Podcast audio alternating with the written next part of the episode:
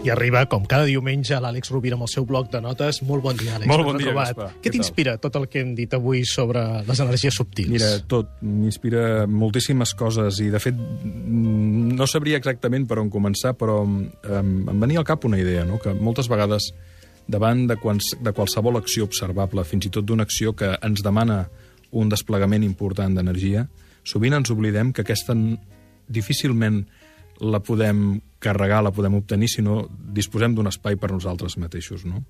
Eh, la meditació, la reflexió, la contemplació, el contacte amb la natura, aquell no fer res, o aquell verb tan maco, tan bonic que tenim en català, que és el badar, no? Badar, el badar, que, que ja n'hem parlat en una ocasió i que tant ens agrada, no?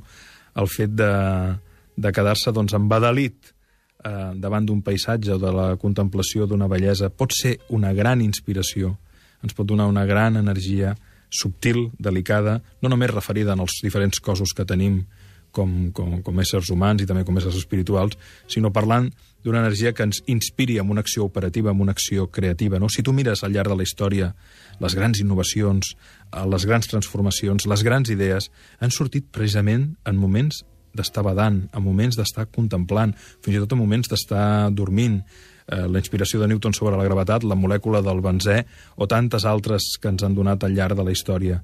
Per tant, és important reconèixer que no pot haver una energia activa, transformadora, potent, si no hi ha una energia, una energia subtil que ens ajuda a connectar amb, amb el dictat interior, amb la veu interior, amb la dimensió potser més, més emocional, més profunda, fins i tot més espiritual, que és allà d'on ens nodrim, la que ens defineix, la que marca la diferència i la que ens fa ser originals.